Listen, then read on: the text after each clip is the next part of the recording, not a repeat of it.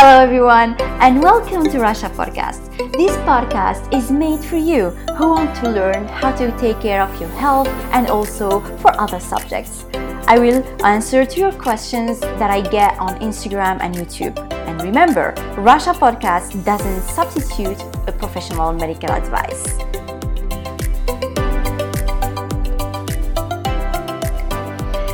Hello, and welcome again to this amazing podcast, Rasha Podcast. I'm your host, Rasha Bia.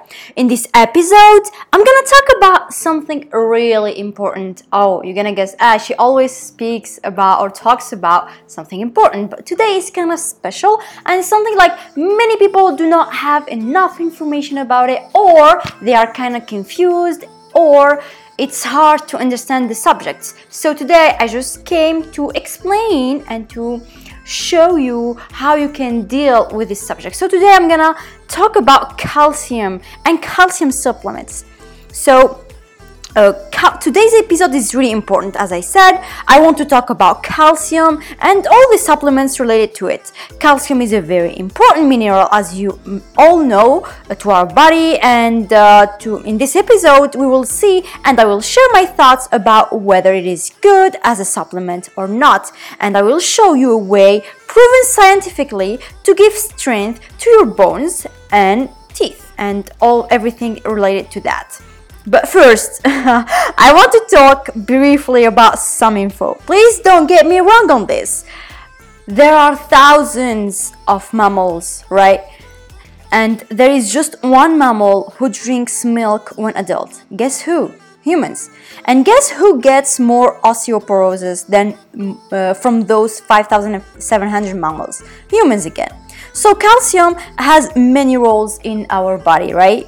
Almost 99% of calcium is uh, stocked in bones, but we can also find inside cells, especially muscle cells, in blood cells as well. It is so important.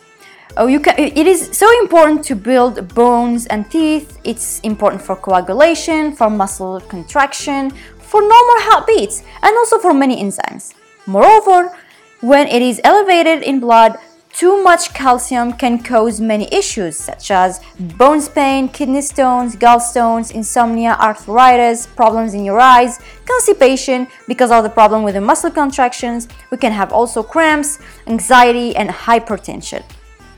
And the biggest problem is that calcium needs many other vitamins and minerals to reach where it belongs and for its proper function. So problem or reductions of those vitamins and minerals is as well another problem. Let's see some examples. If you have no vitamin D, no vitamin K2, and no vitamin F, which are all uh, fat soluble, it's a problem. If also we have a reduction of bile, which is necessary to digest fats and vitamin, so imagine any of those problems with vitamins or bile will cause calcium problem as well. It means like if you don't have bile, the vitamins, the fat soluble vitamins won't be absorbed, so the calcium won't be able to be absorbed to the blood, and the calcium won't be able to reach its final destination. That's the problem. So imagine, as I said, if we have the problem with bile vitamin, all kind of problems with calcium will occur. A reduction in magnesium as well, which is like the opposite of calcium, is also problematic in reduction of calcium in blood. We mustn't have too much calcium in blood. It's very dangerous.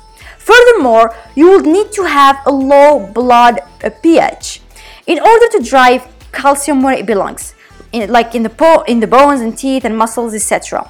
One way to lower your blood, your blood pH, for example, is to um, drink apple, uh, apple, apple vinegar after meals. But be careful if you have um, problems in your stomach. So, how that you now that you understood the different uh, the different conditions for an optimal calcium functions like i said as a, rem- a reminder you need uh, all kind of vitamins the fat soluble vitamins to in order for it to, to be absorbed and the bile to be absorbed the question is you may ask um, what about calcium supplements? Um, are they good or not? What are the risks? Unfortunately many many of us takes it without even needing it. Like many take calcium supplements without even knowing its dangers that we mentioned previously. The biggest issue is that most supplementations uh, I know here in Algeria contain calcium carbonate which is one of the worst calcium supplements ever. You remember when I talked about zinc supplements that you should not have oxide, zinc oxide, because it's the worst? It's the same thing for calcium. Ca- calcium carbonate is really bad. It's one of the worst calcium ever.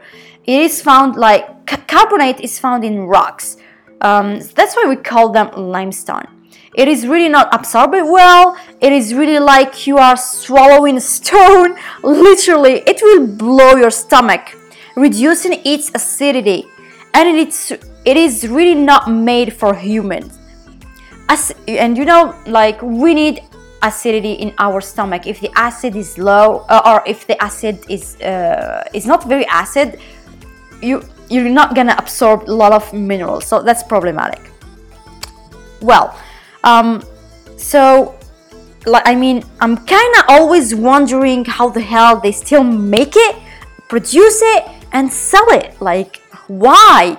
Uh, there, is, there are a lot of science behind and there are a lot of uh, research telling carbonate is bad you should stop it so i'm wondering and i'm angry why all our supplements here in algeria are made with carbonate i'm pretty sad really so when you take that carbonate calcium with vitamin D, it is like you're making it worse because you are now pushing it to be absorbed and reach the blood. Like you are pushing that carbonate calcium, which is so bad, to reach the blood.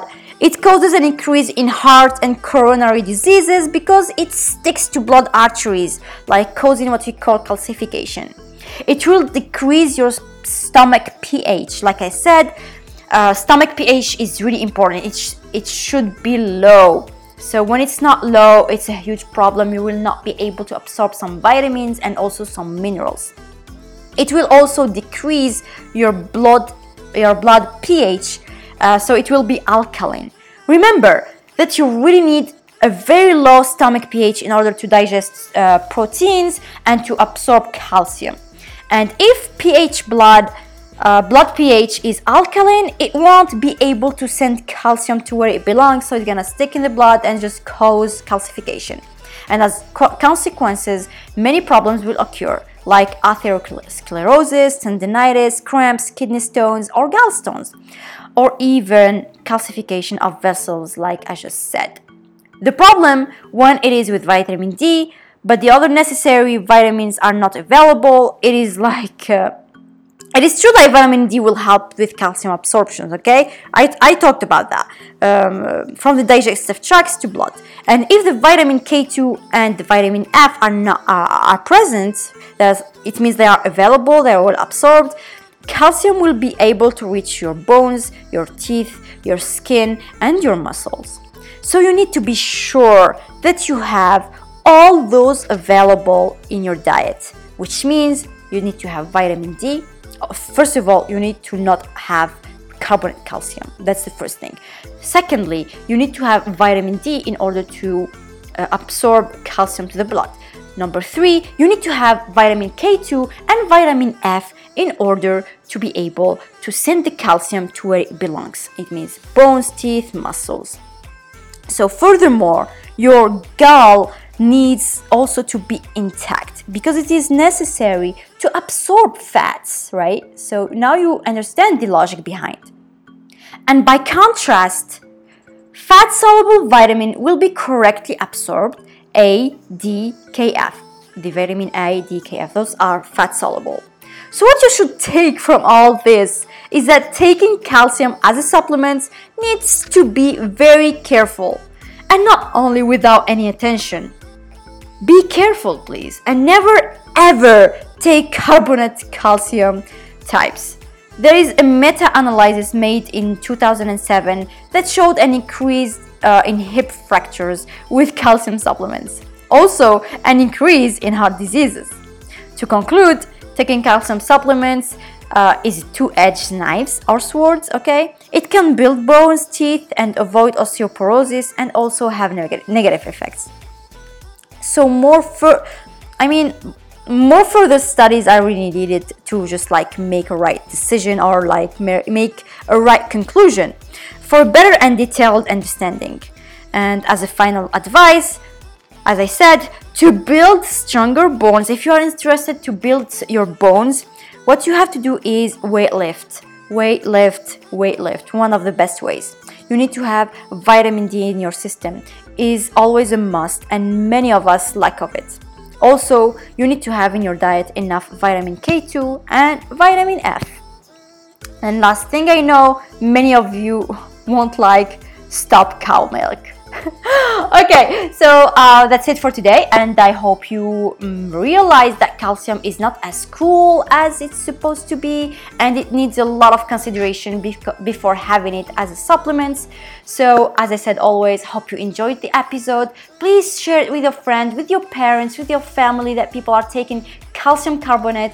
Tell them it's dangerous. Tell them to stop taking it and try looking for better alternative of calcium I think, uh, I believe they exist. I really believe. I didn't find them yet, but I believe they exist. So I always say, take care of yourself, take care of your health. See you in other episodes. And remember, your health is your choice. Bye bye.